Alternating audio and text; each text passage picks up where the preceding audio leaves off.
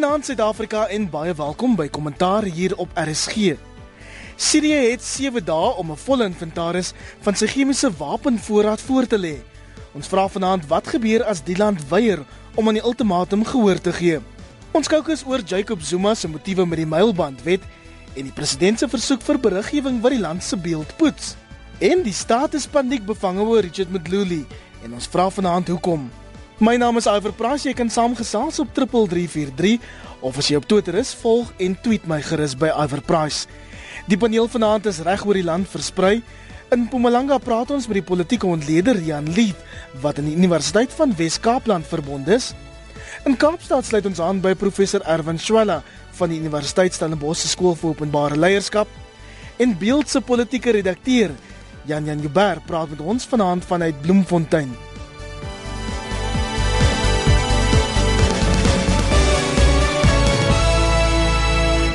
Kollegas, baie van ons het militêre ingryping in Sirië verwag, maar Amerika en Rusland het gister aangekondig dat 'n raamwerk vir die beveiliging van Sirië se chemiese wapens bereik is.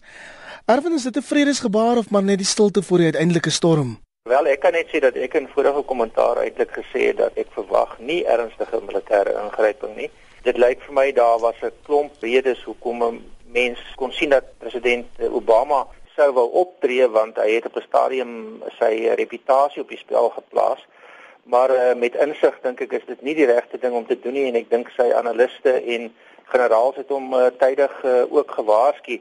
Gelukkig was daar toe 'n diplomatieke moontlikheid om hierdie saak anders aan te spreek en uh, met die Russiese tussenkoms. Interessant genoeg, die Russe hier speel 'n interessante rol want hulle wil hulle self weer projekteer op die wêreld verhoog ek dink wat hier gebeur is 'n proses waardeur daar nou nader beweeg word aan die internasionale liggame en waar daar eintlik 'n geleentheid is vir almal om so 'n bietjie uh, soos die Engelse sê te sê face. Die proses soos ek dit gister gesien het wys ook op 'n soort rapprochement 'n soort toenadering tussen die Russe en die Amerikaners. Maar hoe lank dit nou sal hou weet ek nie In elk geval moet ons aanvaar dat beide die Russe en die Amerikaners op hierdie stadium met nie belang by verdere konflik en onstabiliteit in daardie streek nie. Op die ou end is dit 'n redelike goeie uitkoms. Mense nou maar moet sien of dit behoorlik toegepas kan word om chemiese wapens te soek in 'n oorloggetuigde land en te vernietig is natuurlik ook nie so maklik nie. Jan Jan hierdie liefdesverhouding tussen Rusland en Amerika, dis nie 'n verhouding wat ek gesien kom het nie. Ja, ek dink ook nie dis veel van 'n liefdesverhouding nie. Ek dink daar's 'n goeie ontleding vandag in 'n rapport gewees deur Waldemar Pelser oor die situasie en die wenner uiteindelik is president Assad van Sirië, nie Rusland of Amerika nie. Maar ek dink Obama het homself heeltemal in 'n hoek vasgeverf. Hy kon nie sy aanvalle loods nie want die VN sou nie instem nie. Hy sou nie veel internasionale steun buite Frankryk en Duitsland gehad het nie. En binne in Amerika was daar geen aptyd vir oorlog nie. Toe het president Putin 'n uh, geleentheid gesien en ek dink eintlik hy het sy werk vooraf gedoen want dit het in die aanloop tot die Sint Petersburg byeenkoms van die G20 al gebleik dat Sirië en Rusland redelik baie gesels het. Tydens daardie byeenkoms in Sint Petersburg dink ek was daar oor genoeg kans vir Obama wat toe al die skrif aan die muur moes gesien het en Putin om te gesels toe het John Kerry die Amerikaanse minister van buitelandse sake so kamma kamma onverwagse opmerking gemaak. Ek dink dit was in Londen dat jy weet as die Siriëse chemiese wapens tog nou net op 'n hoop geplaas word en uiteindelik vernietig word, sal Amerika nie aanval nie. So gou soos nou toe die Siriërs en die Russe sommer skielike diplomatieke ooreenkoms en die Russe dink ek is held in die verhaal. Ek dink almal soos wat Erwin gesê het, kom nou beter daarvan af en dat niemand in die verleentheid gestel word nie, maar van 'n liefdesverhouding is daar vir my weinig teken. Nou ons weet in Sirië het die rebelle leier generaal Salim Idris die ooreenkoms afgelag en ons weet nog nie hoe president Bashar al-Assad daaroor voel nie. Rian stem mee saam met Jan Jan dat hy die grootste wenner in hierdie verhaal is. Stem grootliks saam met die verduideliking wat Jan Jan se pas gegee het, maar wat my interessant is is dat ek dink dit is belangrik om in gedagte te hou dat Amerika se optrede eintlik 'n momentum verskaf het aan 'n breër internasionale um, ooreenkoms in Sirië natuurlik um, nou in samewerking met um, met Rusland. Um, oor die algemeen dink ek veral binne die Midde-Ooste word daar gedurig weer teruggeval op Amerika. Natuurlik almal verwag dat Amerika moet ingryp en die ding daar moet doen. Maar natuurlik en dan is dit baie maklik vir hulle om kritiek daarteenoor uit te spreek. Dit is baie duidelik dat daar geen aktiwiteit was vir militêre ingryping in Sirië nie. En ek sien ook saam dat dit natuurlik 'n hele ander blikkie van wurm sou oopgemaak het as dit wel sou gebeur het. Want dit is moeilik om agter te kom wie is nou eintlik die aggressor en wie is die slagoffer. Die saak is maar baie meer vloeibaar en vloeibaar onder hierdie omstandighede. Maar ek dink wel dit wel so is dat Obama homself vasgevang het. Dink ek die blote feit dat Amerika baie sterk opgetree het in terme van dreigemente om moontlik militêr in te gryp dat dit self die krag gegee het aan wat ons inderdaad nou sien 'n uh, meer aggressiewe koherente en optrede aan die kant van die internasionale gemeenskap. Erwin, wat gebeur as Sirië nie binne 7 dae daai inventaris van chemiese wapens voorlê nie?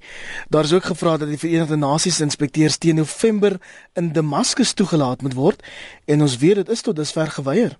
Dit is natuurlik baie belangrik vir die Amerikaners wat hier betrokke is om 'n definitiewe ooreenkoms te beding met besondere en redelike strakke mylpale. Wat waarskynlik gaan gebeur is is dat daar 'n uh, ten minste aanvanklik terwyl die politieke wil van alle kante nou nog daar is, 'n redelike mate van voldoening sal wees. En op die wyse dink ek gaan daar meestal 'n uh, voldoening wees vir die vir die vir die eerste ruk om dit oor die medium en die langtermyn te moniteer gaan nie so maklik wees nie. Wat wel waar is is dat daar nou 'n internasionale betrokkenheid is en dat die proses wat gevolg word een is wat gemakliker gaan wees om oor tyd te kan regverdig en uiteindelik is dit natuurlik ook nou 'n geleentheid vir Amerika om te sê dat ons het betrokkenheid gekry indien president Assad en die Siriërs Siriëse regering nie voldoen aan die vereistes nie is daar goeie redes hoekom ons nog steeds militêr kan ingryp. Dis nie 'n gegeewe dat dit oor tyd sal uitwerk nie want dit is 'n uiters moeilike stel omstandighede. Die inspekteurs moet in 'n oorloggetuigde gebied ingaan, dan moet behoorlike opsporing wees, dan moet daar vernietiging wees. Aanvanklik dink ek gaan daar nie probleme wees nie. Daar's 'n goeie politieke wil, dis wanneer hierdie politieke wil versyfer in die Sirius woestynsand wanneer daar moontlik probleme kan kom, maar dan sal die hele proses natuurlik weer besoek word en bekyk word in terme van wat dan gedoen moet word. Janen, kom ons praat 'n bietjie verder oor internasionale betrokkenheid. Ek sien vanoggend Frankryk steun Amerika en Rusland se skikking, maar Suid-Afrika is stil oor die Siriëse krisis of het ons eenvoudig genoeg van ons eie probleme? Nou, ons het altyd genoeg van ons eie probleme, maar dit beteken nooit ons bly stil oor enigiemand anders nie, veral as hulle ver van ons af is. Suid-Afrika het in die Siriëse meningsverskille aan die kant van Rusland gestaan. So ek dink die ding het uitgespeel soos Suid-Afrika dit sou wou gehad het.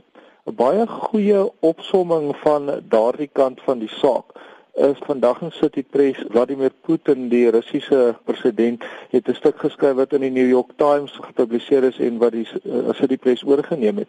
Wat eintlik 'n dekselse goeie punt maak hy sê daaronder meer is 'n sin waarvan ek hou daar is nie baie mense wat in Sirië stry vir demokrasie nie. Jy het eintlik daar 'n burgeroorlog tussen mense van verskillende gelowe en agtergronde en ek dink dit is miskien die kern van die saak hierso.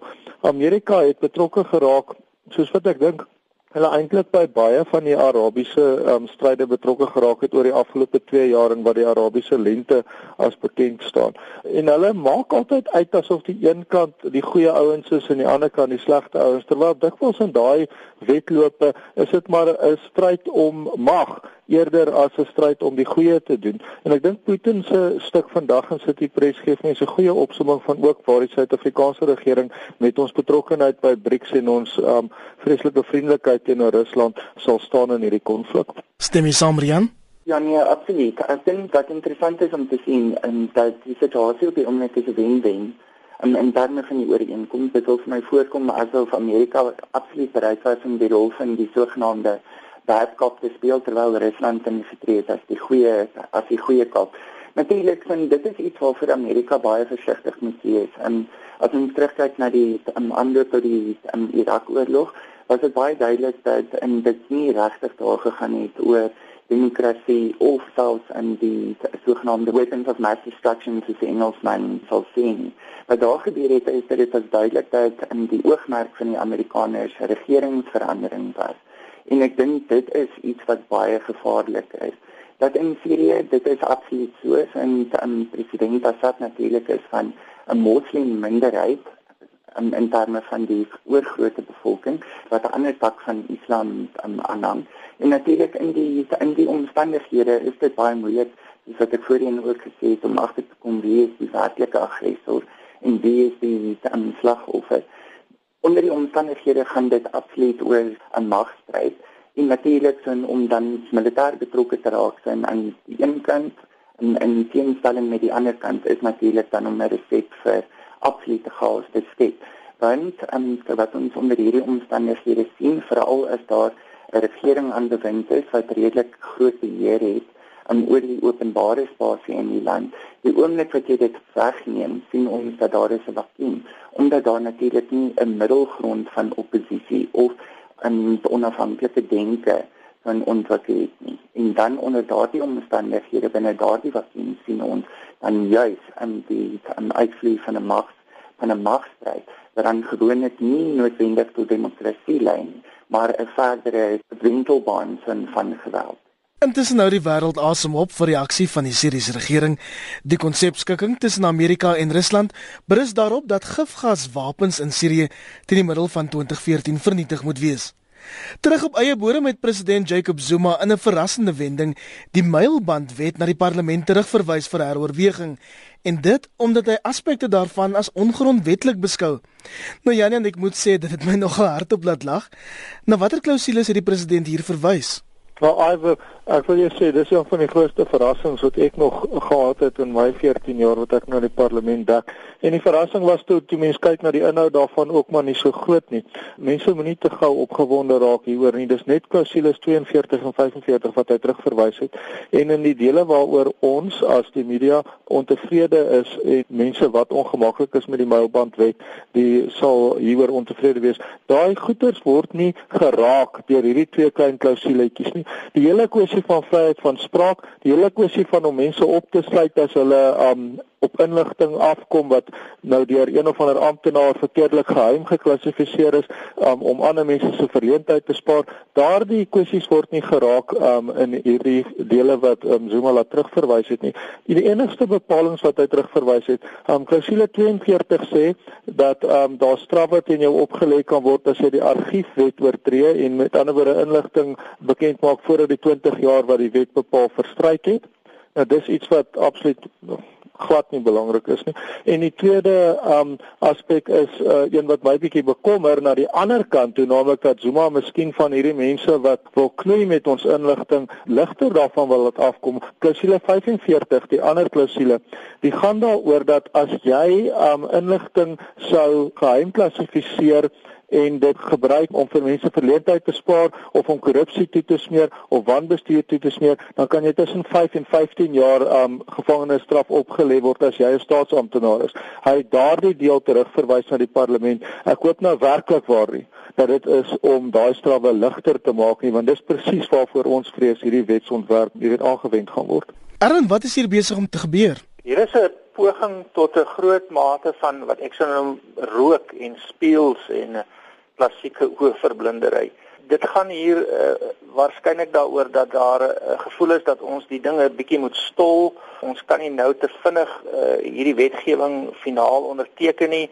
Dit gaan 'n groot klomp politieke uh, uitval veroorsaak.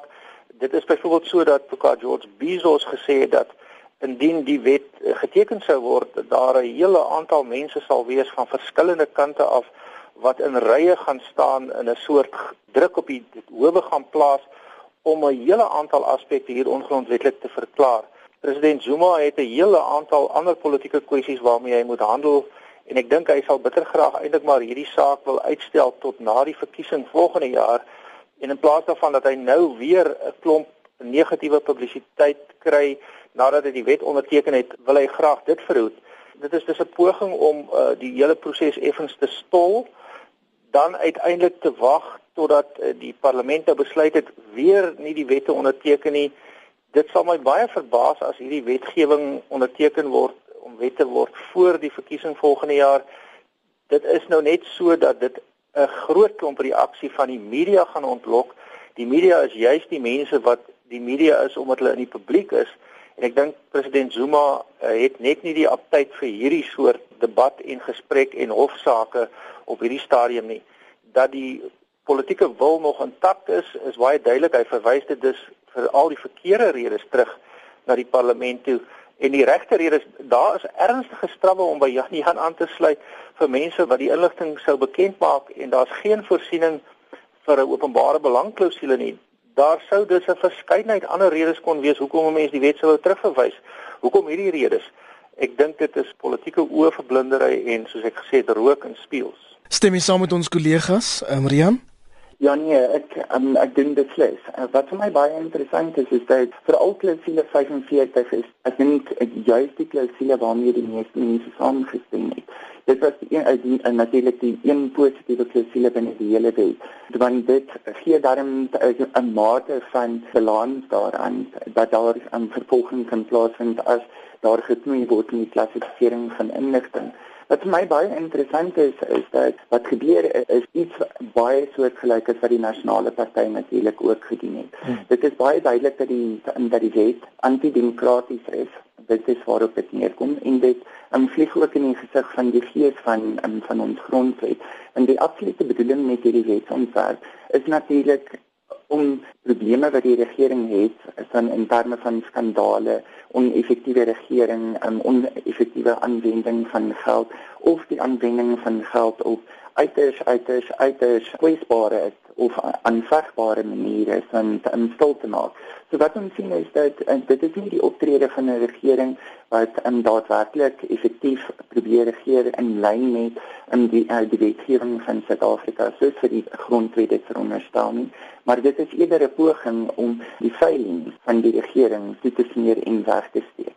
En natuurlik daar is geen rede vir hierdie wetsontwerp nie, want die werklike sensitiewe staatsinligting en vir um, hier verwys ek natuurlik net na 'n nasionale nasionale sekuriteit word reeds in ander wetgewing vervat en dit is op 'n standaard internasionaal aanvaarbare manier. So daar is geen rede vir 'n bykomende wetsontwerp op staatsinligting nie. En, en natuurlik tweedens sê ons hier te doen met 'n sogenaamde slippery slope. Want natuurlik dit is die rol van die media om uit te wys en waar daar probleme is in in die regering lê. En natuurlik dit gaan ook hier oor die inligting van die burgers van die land om ook natuurlik agter te kom wa waarmee presies die regering besig is. Want natuurlik is die veronderstelling dat hulle hierdie inligting gebruik om natuurlik dan uh, in besluit by die by die stembus uit te oefen Jan Jan, hoe lyk die pad vorentoe in terme van die Melbandwet? Wat well, gebeur volgende? Ek het geniet hoe Rian nou daardie um ondemokratiese aard van die wet uiteengesit het. Dit is belangrik dat ons dit nooit uit die oog verloor nie. En ek stem saam met Erwin dat ons heel moontlik vertraging kan sien hier. Mense weet nooit regtig met Zuma nie, jy weet. Maar want um ek sien uh vandag in die Sunday Times en in die rapport dat die ANC sê hulle wil die ding sommer vinnig afhandel, maar Zuma sit darmal op daai wetsontwerp van April maand af. So miskien is Erwin reg dat hy wil nie dis nou Zuma wil nie nuwe momentum gee aan die politieke partye wat half op die opgeleide kiezer staat maak om hulle te steun deur verdere momentum aan hulle te gee as hy as hy hierdie wetgewing onderteken nie. Dit gaan absoluut brandstof wees vir die DA vir afgang en vir partye wat miskien nou die meer opgeleide kant van die ANC se kieserskorps probeer om dit af te rokkel. So miskien is dit waar dat hierdie vertragingstaktiek is sodat die verkiesing kan verbykom en Zuma dan kan beweer hy het 'n nuwe mandaat om hierdie wetgewing ook deur te voer. En so van number 1 se fascinasie met die media gepraat. Meneer Zuma sê hy is moeg daarvan om soggens wakker te word en al die negatiewe koerantopskrifte te lees. Nou Erwin, dit sukkel om positiewe invalshoeke te kry op Nkandla of die omstrede spionasiebande. Hoekom is dit vir die president so belangrik om met die media te karring om die media die hele tyd in die bek te ruk? Die media uit die hart van die saak is uh, die boodskappers.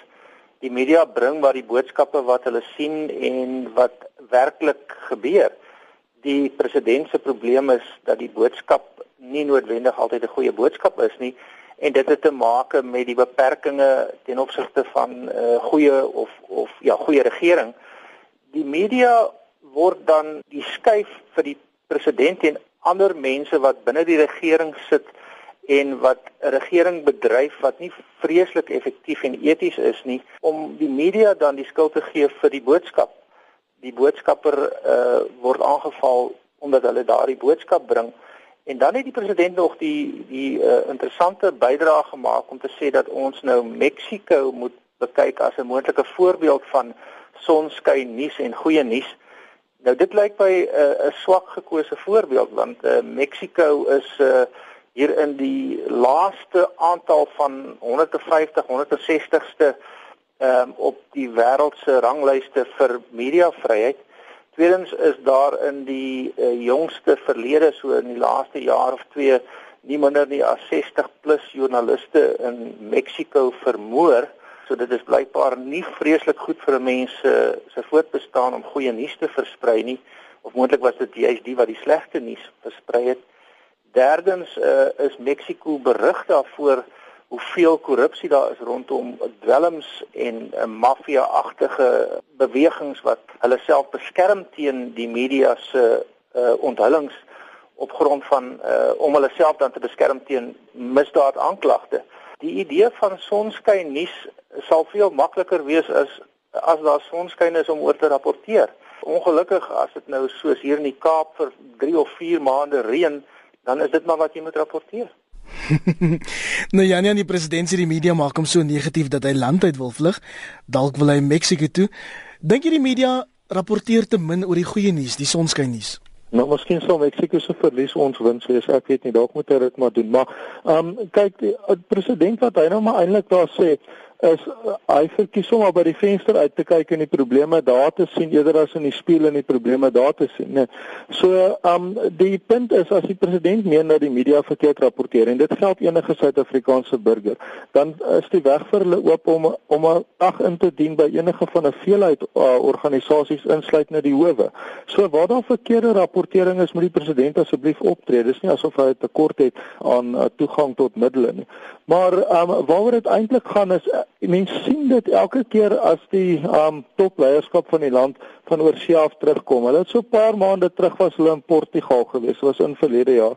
En toe het iemand daar in die Portugese regering nou die opmerking gemaak dat as jy nou in Suid-Afrika die koerante oopslaan dan wil jy sommer emigreer want dit lyk of dit so sleg gaan. En daar het hulle mekaar nou lekker op die rug geslaan en op die skouer geklop oor hoe wonderlik hulle is en hoe sleg die media is. En toe hulle nou terugkom toe was dit vir 'n paar weke die mantra dat die media laat mense emigreer jy weet. Nou dis van sommer onsin. Um en in alle liefde as die president goeie nuus wil hê ons wil almal goeie nuus hê. Ek hou ook daarvan.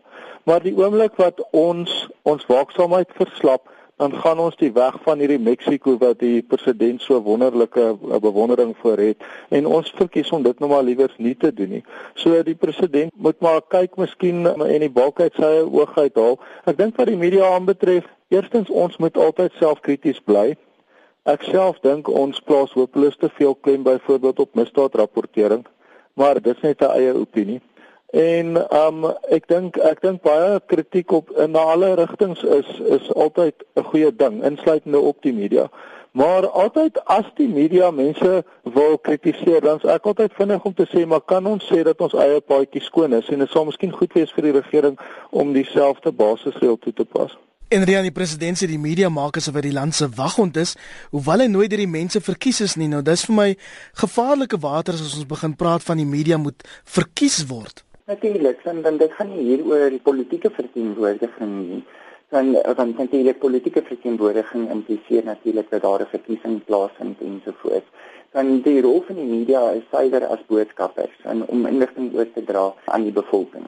En hier gaan dit oor 'n um, konsep wat baie belangrik is in die demokrasie en ek dink dit is iets wat binne ons politieke konteks veral aan die regerende party se kant baie misverstaan word.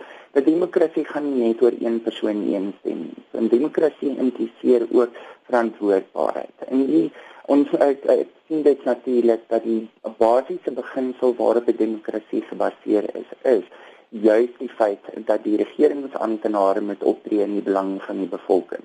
En omdat hulle in openbare diens is, is dit natuurlik ook hulle werk om om verantwoording te doen vir die beleid uh, beleidsrigtinge wat hulle inslaan en natuurlik ook die implementering daarvan.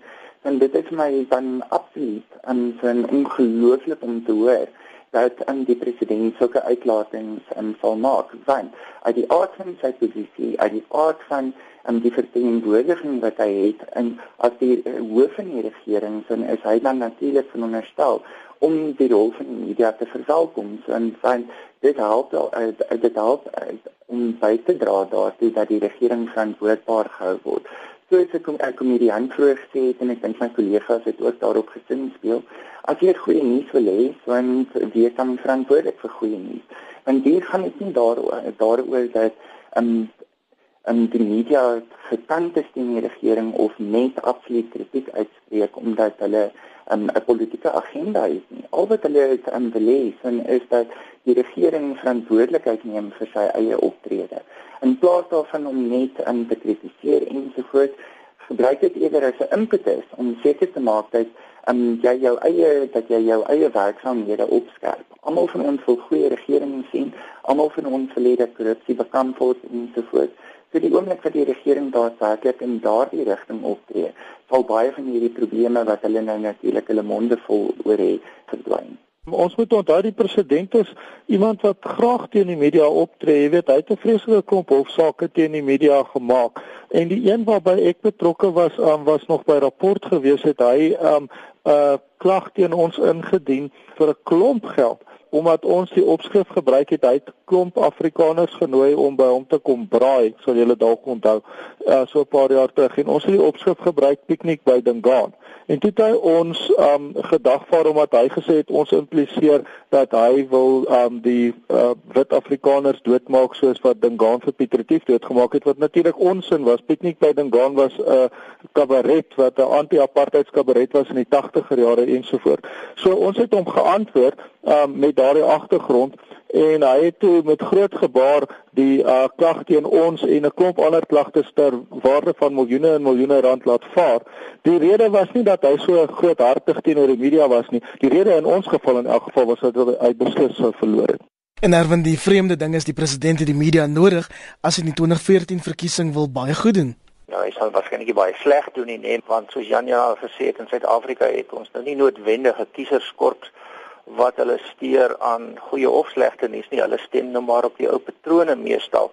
Ek sou graag hier 'n ander dimensie net wou bybring in die analise en dit is in die wiskundige wetenskappe is daar aksiomatiese stellings uh, in vele van hulle.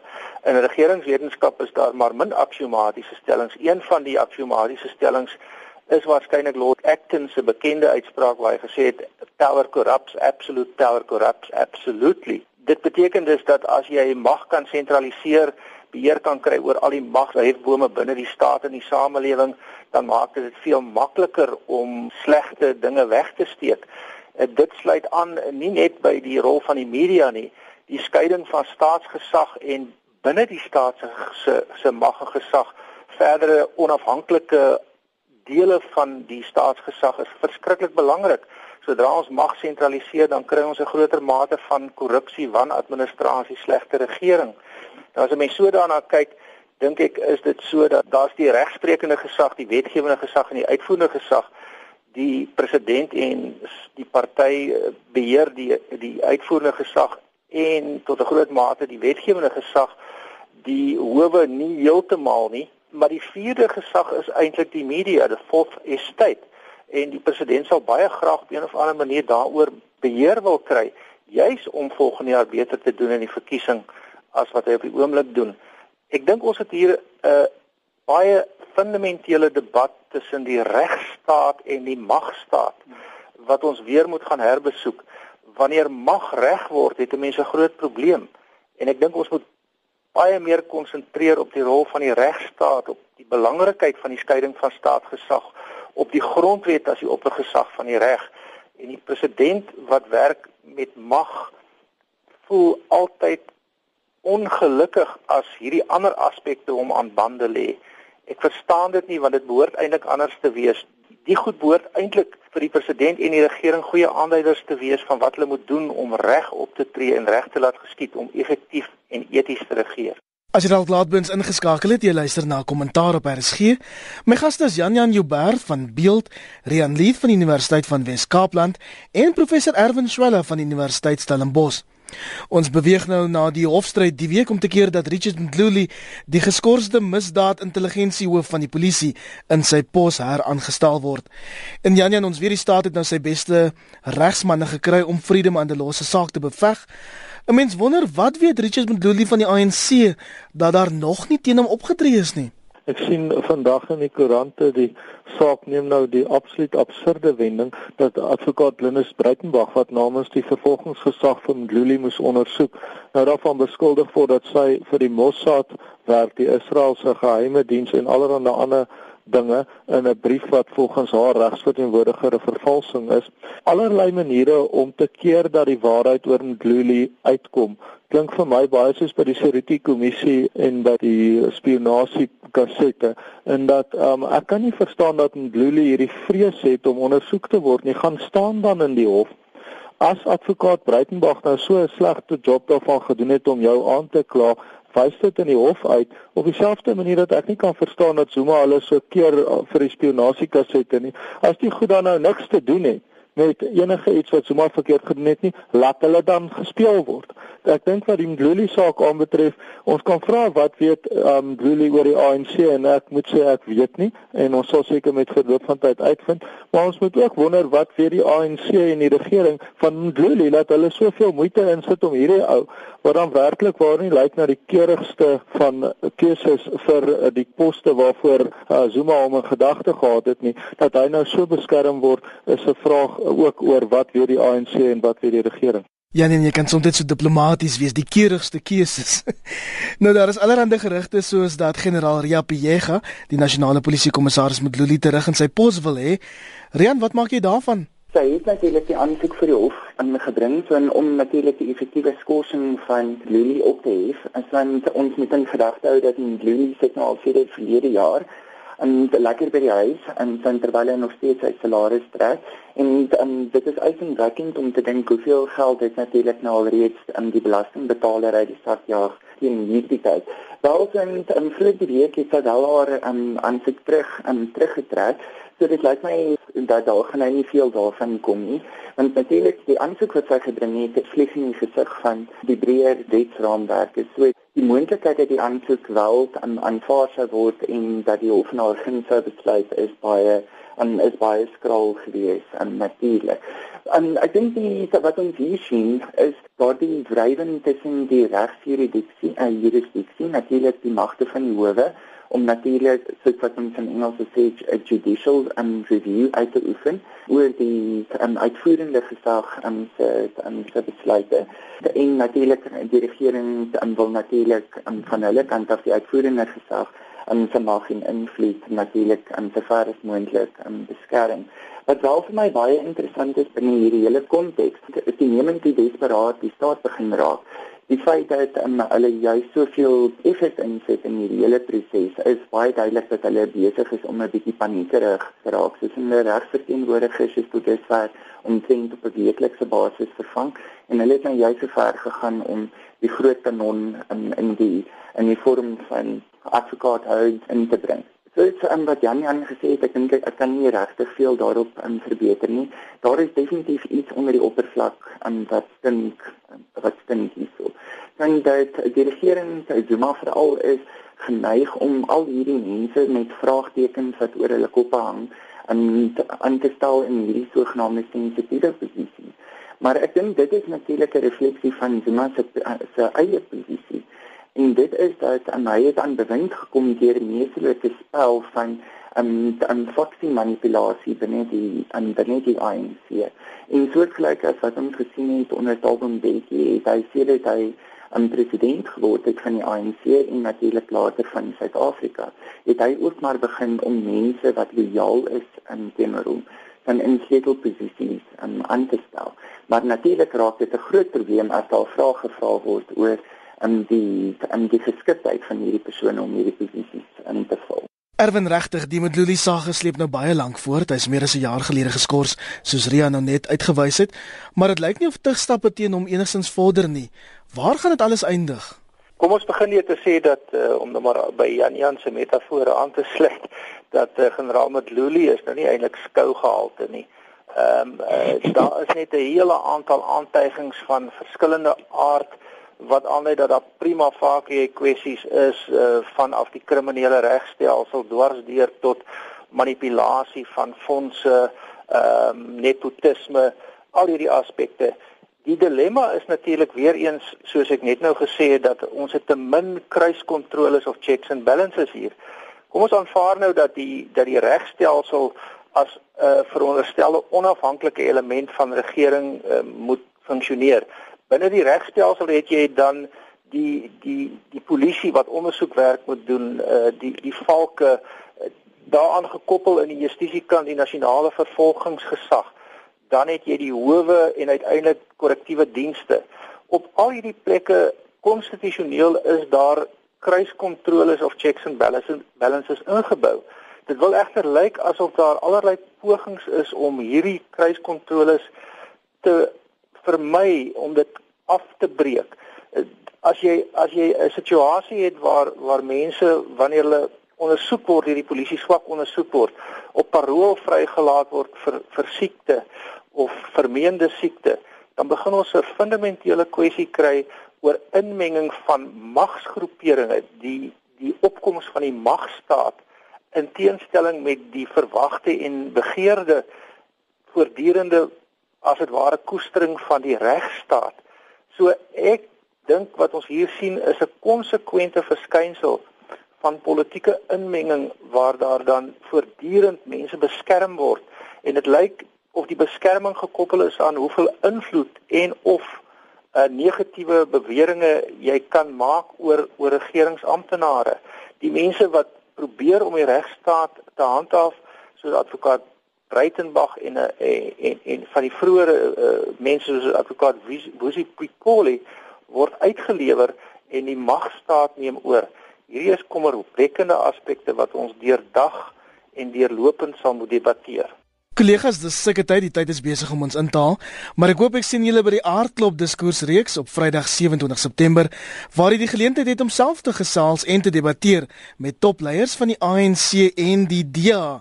Jan Jan, wat is op die spyskaart daar? Baie dankie vir die geleentheid om net vinnig met die luisteraars daaroor te praat. Dis deel van die aardklop diskursreeks. Dit vind plaas 09:30 die 27ste, die Vrydag by die Boeke Oase in Hofmanstraat Potchefstroom. Nou ek gaan die voorsitter daar wees en die ANC stuur vir ons 'n nasionale uitvoerende komitee die DA stuur vir ons 'n baie uh, senior persoon en Henry Jeffries ons oud-redakteur van die Burger is ook daar om um, as 'n uh, ontleder op te tree. Ons het 'n uur en 'n half behoorlike gesprekskans en na die tyd ook verdere kans om te kuier. So ek wil asseblief almal van u wat belangstel in die politiek en wat voel dat partykeer daar nie genoeg diepte bespreking is nie en wat self ook die eie idees op die tafel wil plaas. Almal van die ingoute Noordwes en in die noordelike deel van die Vrystaat mooi om dan half 9 daai Vrydagoggend, dis nie hierdie Vrydag nie, die volgende een by ons aan te sluit in Potchefstroom en van u te laat hoor sodat ons 'n goeie gesprek kan hê. Sien jy daar, dis die aardklop diskursreeks Vrydag 27 September om 8:30 die oggend en dis by die Boekeoase in Hofnamstraat in Potchefstroom. Dit bring ons tot by die einde van vanaand se kommentaar hier op RSG. Baie dankie aan my gaste Jan Jan Joubert van Beeld. Baie dankie Iver. Rian Leith van die Universiteit van Wes-Kaapland. Baie dankie, dit was lekker om saam te gesels. En professor Erwin Swela van die Universiteit Stellenbosch se skool vir openbare leierskap. My naam is Iver Price, lekker aan verder.